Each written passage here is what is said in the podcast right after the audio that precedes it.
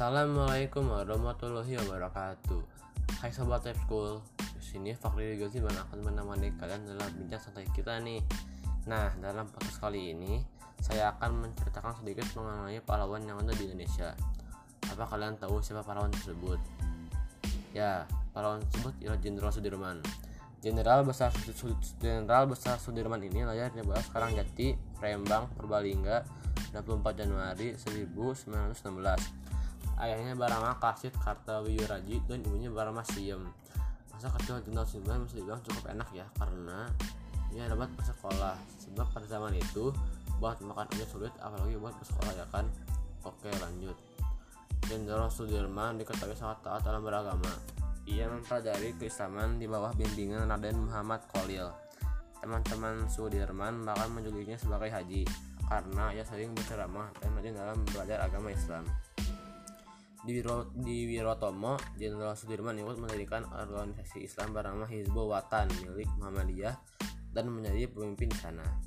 Lalu Jenderal Sudirman kembali ke Cilacap dan mulai mengajar di sekolah dasar Muhammadiyah. Lalu Jenderal Sudirman bertemu dengan Alfiah yang kemudian mereka pun yang kemudian mereka pun menikah. Setelah Jepang berhasil menduduki Indonesia pada tahun 1942, perubahan kekuasaan mulai terlihat. Jepang menutup sekolah tempat Sudirman mengajar dan mengalih fungsikannya menjadi pos militer. Di tahun 1944, Sudirman menjabat perwakilan di Dewan Kepresidenan yang dibentuk oleh Jepang. Dan tak lama kemudian, Sudirman diminta untuk bergabung ke dalam tentara peta atau pembela tanah air oleh Jepang. Ketika pendudukan Jepang, ia masuk tentara pembela tanah air di Bogor yang begitu tamat pendidikan langsung menjadi komandan batilon di Korea. Menjadi Panglima Divisi 5 Banyumas sesudah TKI terbentuk dan akhirnya terpilih menjadi Panglima Angkatan Perang Republik Indonesia atau Panglima TNI setelah bom atom di Hiroshima dan Nagasaki dijatuhkan kekuatan militer kekuatan militer Jepang di Indonesia mulai melemah Sudirman yang ketika itu ditahan di Bogor mulai memimpin kawan-kawannya untuk, untuk melakukan pelarian Presiden Soekarno kemudian membentuk TKR atau Tentara Keamanan Rakyat di mana personilnya berasal dari mantan KNIL, PETA, dan HEIHO. Ketika, itu Soekarno menunjuk Supradi sebagai panglima TKR, namun ia tidak muncul. Inggris yang ketika itu mendarat di Indonesia bersama dengan Nika mulai mempersenjatai tentara Belanda dan menjadikan pangkalan di Magelang. Ketika pasukan sekutu datang ke Indonesia dengan alasan untuk melucuti dengan alasan untuk menutupi tentara Jepang ternyata tentara Belanda ikut dibonceng.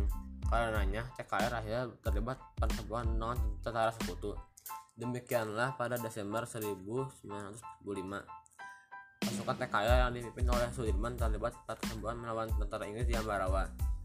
Dalam agresi militer Belanda itu Jakarta pun berhasil Jakarta pun berhasil dikuasai oleh Belanda yang sebelumnya Jakarta berhasil dikuasai Bung Karno dan Bung Hatta serta beberapa anggota kabinet juga sudah ditawan.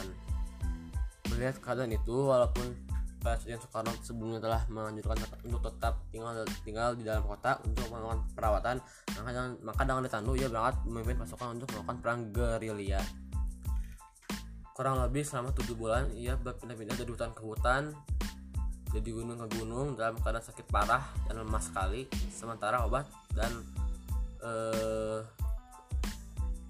medicine pun tidak ada penyakit TBC yang menggerogoti di Sudirman kalau itu kian parah beliau rajin memeriksakan diri di rumah sakit Panti Rapi di saat itu juga Indonesia Indonesia sedang dalam negosiasi dengan Belanda untuk menuntut pengakuan kedaulatan Indonesia.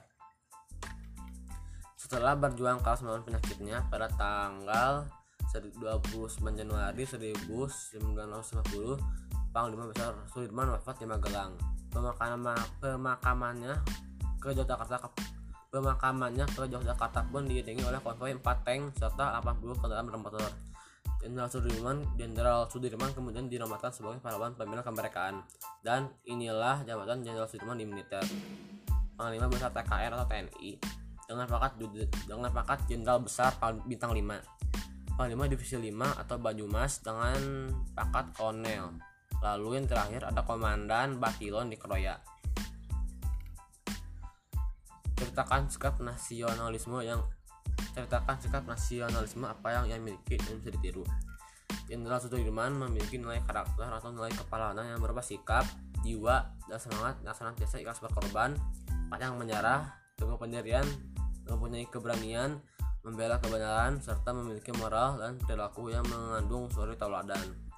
Ceritakan nilai nasionalisme apa yang dibutuhkan di masa sekarang, terutama dalam penerapannya di lingkungan sekolah, keluarga, dan masyarakat.